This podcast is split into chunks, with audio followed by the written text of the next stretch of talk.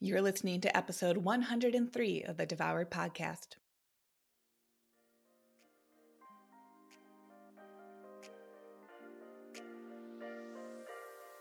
Welcome to Devoured, the podcast for women ready to release the title of Dieter for Good.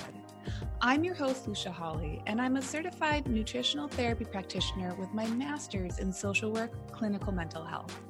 I've lost 80 pounds and I'm on a mission to get you into the life of your dreams without being the woman who is consumed by diet after diet trying to get there.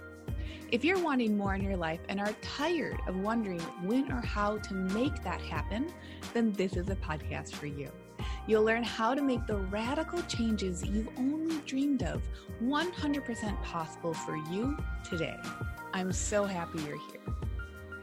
The information provided within this podcast is intended as general education only and is not to be considered a substitute for professional medical advice, diagnosis, or treatment.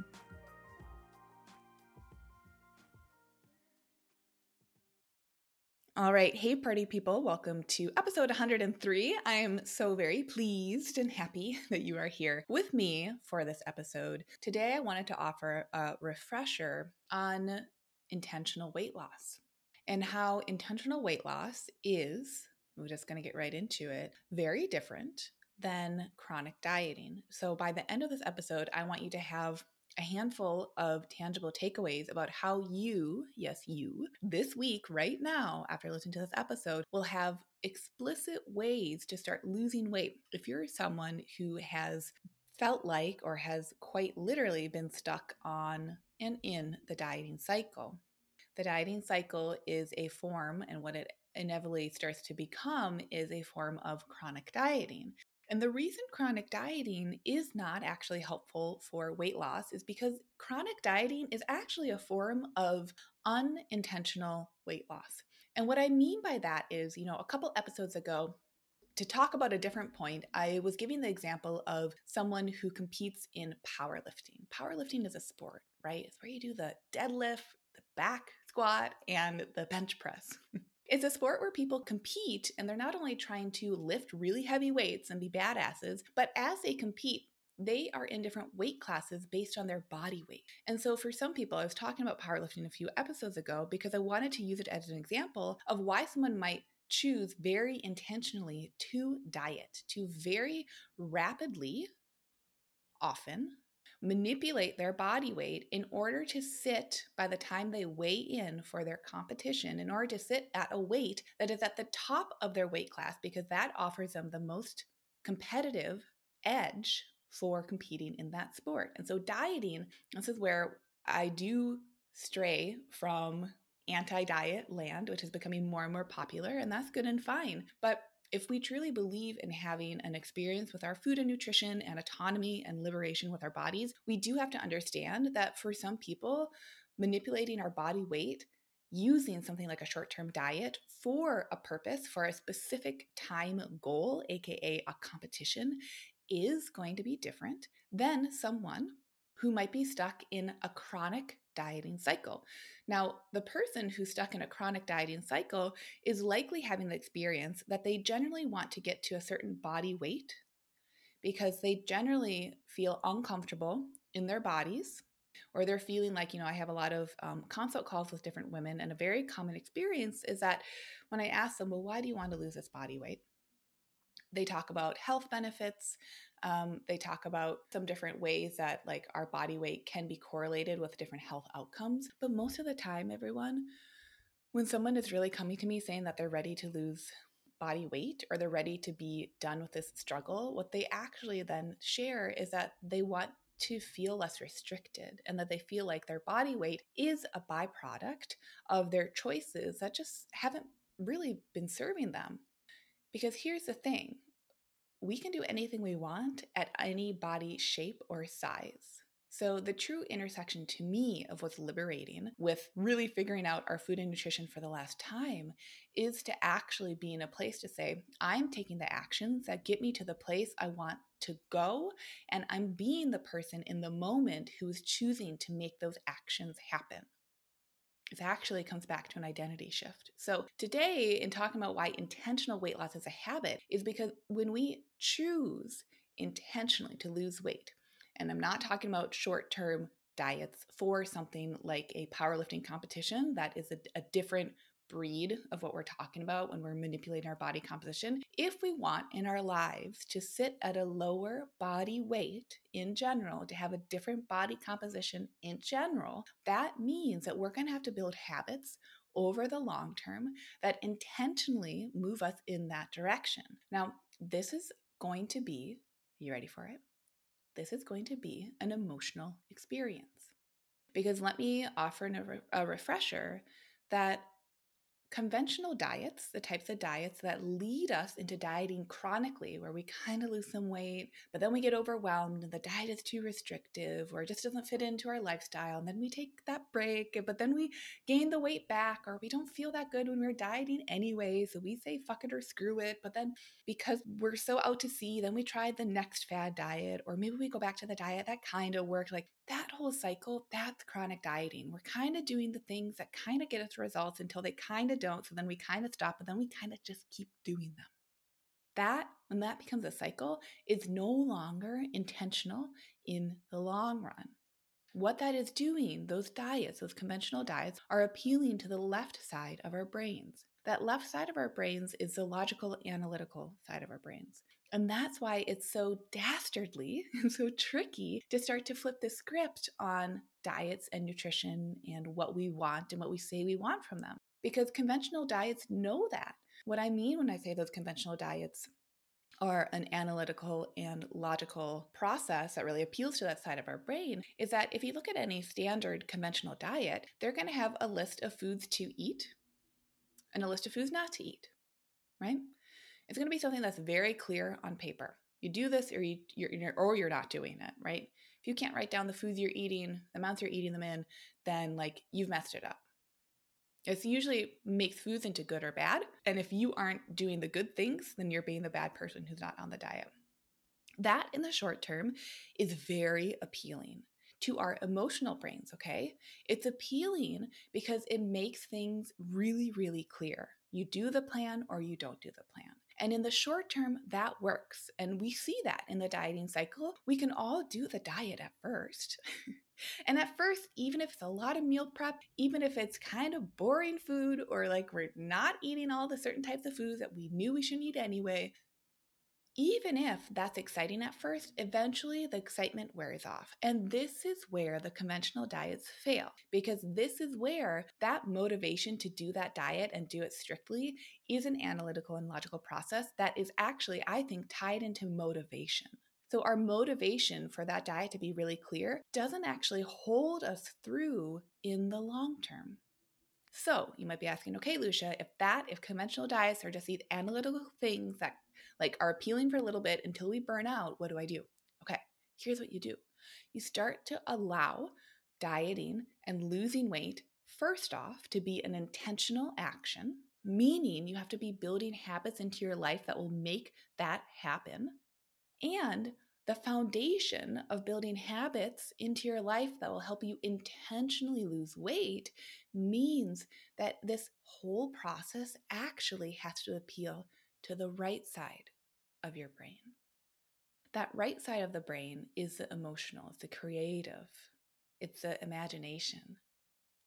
And if diets are only ever, I want you to think about this, if diets are only ever housed in that left side of the brain, what do you think that that's training when we start to both like get burnt out on the diets because they never really give us what we actually want but also, it can have this secondary effect where we start to not trust our emotional brains as much because we habitualize the fact that dieting must be analytical, that it must be logical, because that's just how it's gone. We can actually, uh, until we, which is what we do in Lean and Liberated, which is why I talk about these subjects because it's so near and dear to my heart. Of course, we can have some like general principles, right? Our bodies generally work in certain ways. Our blood sugar generally responds in certain ways to foods. Our digestion generally responds, etc. We can have some basic principles. But in order to intentionally lose weight in the long term, we actually have to get our emotional brains on board to feel safe enough to allow that to become a part of our lives. And here's the rub those conventional diets never talk about that. They just say, like, just do the diet, even if it's a whole foods, like unprocessed, like pretty darn healthy, right? Like supportive diet that for a lot of people feels pretty good.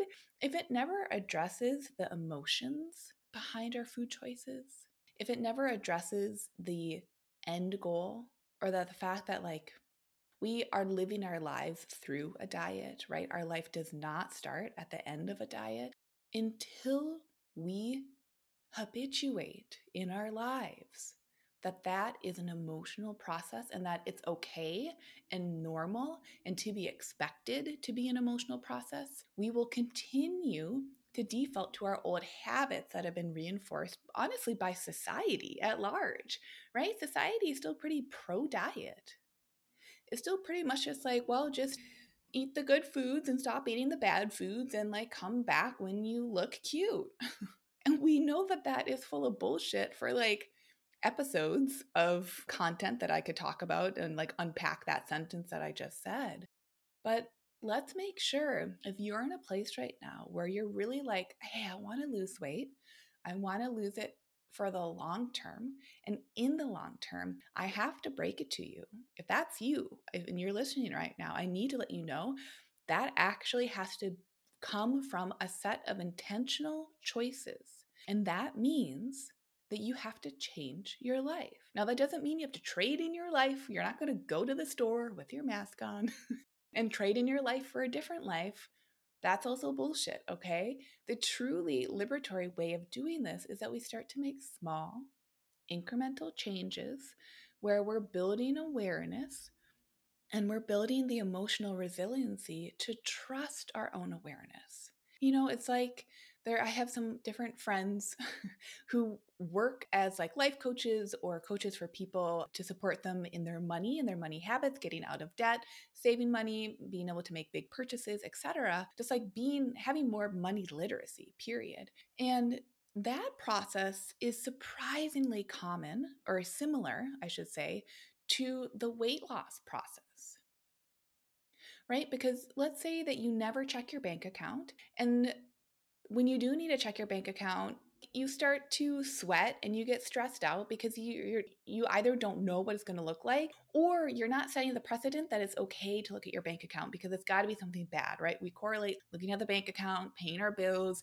making ends meet with being overwhelming and stressful. Guess what? If we keep habituating that, it's no wonder we don't like checking our bank accounts because we've set the precedent that it's a scary, overwhelming thing that will never be okay. And so, you know, when I've had different chats with my friends and I do the work myself, right, of really like starting to just feel more resilient in these different areas, how do you start to chip away at becoming more money literate and understanding where your money's going, where you want it to go, and how to make changes, whether that's getting out of debt or getting more into the savings or just being able to afford big purchases and not put them on credit cards, whatever it might be? How do you do that? You start to build awareness. One of the first steps is just checking your bank account every day. Even if you're not making any transactions, you just start to neutralize the act of checking your bank account, right? You can see that parallel in health and wellness and fitness is why we journal in Lean and Liberated. We have some future journaling that we do. Um, everyone who's in the program gets a journal. So there's actually like a, a, a form and a process to how they journal. There's future journaling, but also we make 24 hour plans. And we do that because guess what? The night before, the day that you're going to eat food, which is every day, by the way, you eat, let's be real, we have to simply just check in and make a plan. And as we start to habituate this new action, what changes is that instead of the unintentional spinouts that happen every week, where, oh, this weekend I was kind of bad, right? I just kind of numbed out. I don't even know what WTF that I ate, but like I know it wasn't great. So, oh, here's Monday and I'm just going to start anew and I'll be clean and fresh and this and that.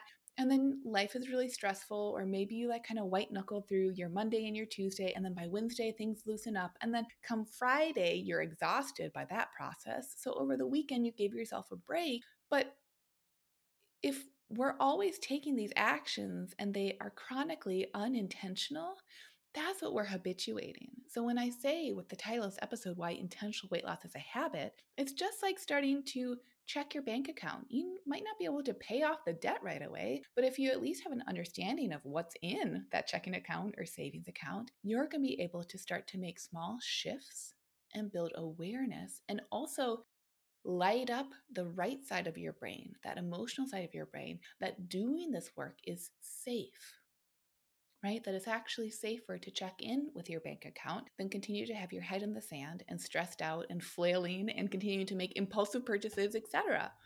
So, when we're doing something like the 24 hour plan, this is where, and I think it's so liberating. You know, if you've been listening to this podcast for a while, we do incorporate fasting in Lean and Liberated because it offers us a whole lot of insight into what thoughts come up when we're not eating food that's one thing. But then the other thing we do is this 24 hour plan because I would much rather you have the experience of planning dessert or planning the foods that you love into your day every single day and starting to build trust with yourself that way, then feeling like you have to eat clean until the day you die right? Those are such radically different ways of living. And one of those is building a habit of you bringing self awareness, asking yourself what you like, giving yourself what you like, enjoying what you're giving yourself, and trusting that you can follow through on that, that's a radically different process than being numbed out most of the week, being stressed out by being so numbed out, and then making choices that are impulsive because of these urges that haven't been addressed because we're so darn stressed out. So, intentional weight loss is a habit because once we start to plan out what we're eating, not from a place of restriction, but from a place of awareness, we're going to have so many more insights. And over time, those insights and that recognition and like true, authentic, deep awareness and self awareness will be our guiding light because it can't not be after a certain amount of time. It's like wearing a fitness tracker and starting, you know, having a goal of walking 10,000 steps, which might I add, seven to 10,000 steps a day. One of the most incredible things you could do for your health one of the most incredible. Okay. You might not know what that feels like initially, but if you were to just allow yourself to be aware over time, have that fitness tracker, write it in to be a daily intention to move your body in that way. It's not to correct for anything that's gone wrong in the past because nothing's gone wrong in the past. Life is just life but instead to say, oh, I intentionally will make this happen for myself because of X, Y, and Z reason. That's all weight loss truly is because most of us know. We know analytically how to lose weight. You eat foods in amounts to satisfaction. You don't eat when you're not hungry. You let yourself eat the foods that nourish you and also provide you pleasure. You stop when you're full. And then you create space in your life for other activities that fill you up and you don't numb out or buffer with the food. And if you do, you're aware and you move on because that's also part of life. That can be the radical action that is intentionally offering you weight loss. Because a lot of us right now unintentionally overeat. And I think social media truly can be really confusing because there's also a trend where people are saying, "Oh, don't don't undereat, don't undereat. If you're like at all moving your body during the day, you're probably undereating." Okay. What that undereating is usually happening though, is not in a vacuum that we just under you can't gain weight for forever if you're undereating. It's it does not. if we're going to talk about the logical brain, that's not what happens. What happens is that if we're under eating, under eating, under eating, under eating, completely stressed out, sending stress hormones throughout our body, then we're going to have a binge later at some point, and then we're going to eat wildly too many calories, typically of highly palatable food that don't really serve us pleasurably because we're numbed out and we're not enjoying that experience. We're not romanticizing it. We're not taking it in and being present with those foods. And then we feel so riddled with shame and guilt that we then go back to, well, let's clean it up on Monday. And we start this binge and restrict cycle that truly is not life giving. So, building in self awareness, building in the ability to be present with our foods, to understand why eating one slice or one, yeah, one slice of pie, one cookie,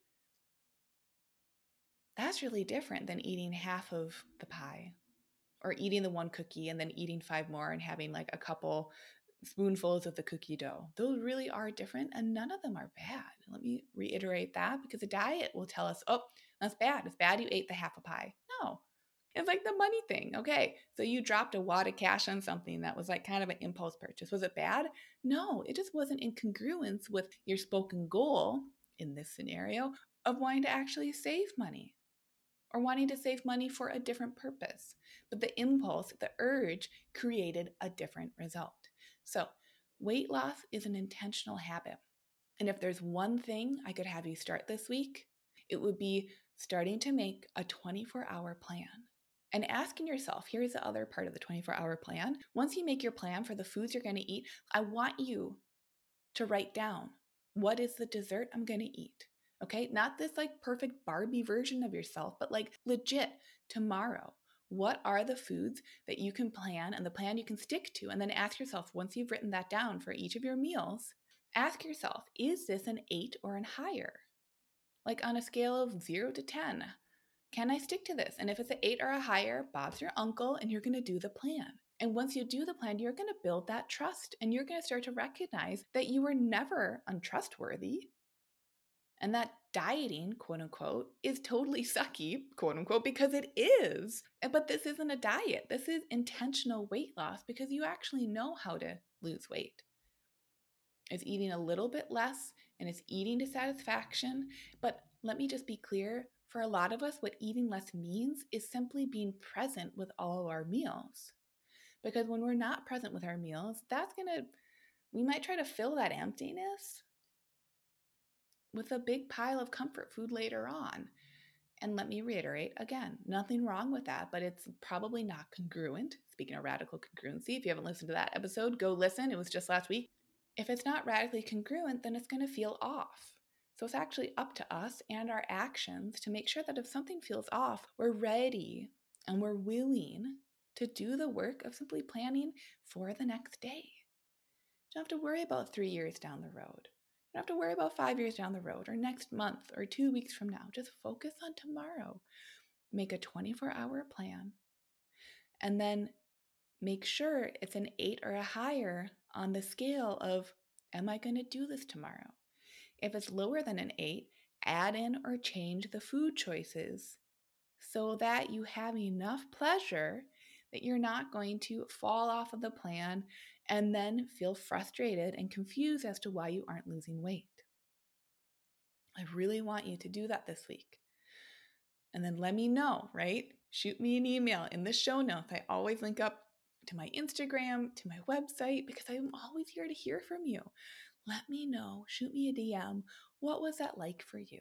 What was it like to spend just one week making a plan for 24 hours ahead of time to be intentional with your food choices in a way that is pleasurable and for you, not for anyone else? See what happens, and I bet you're gonna find something really, really cool.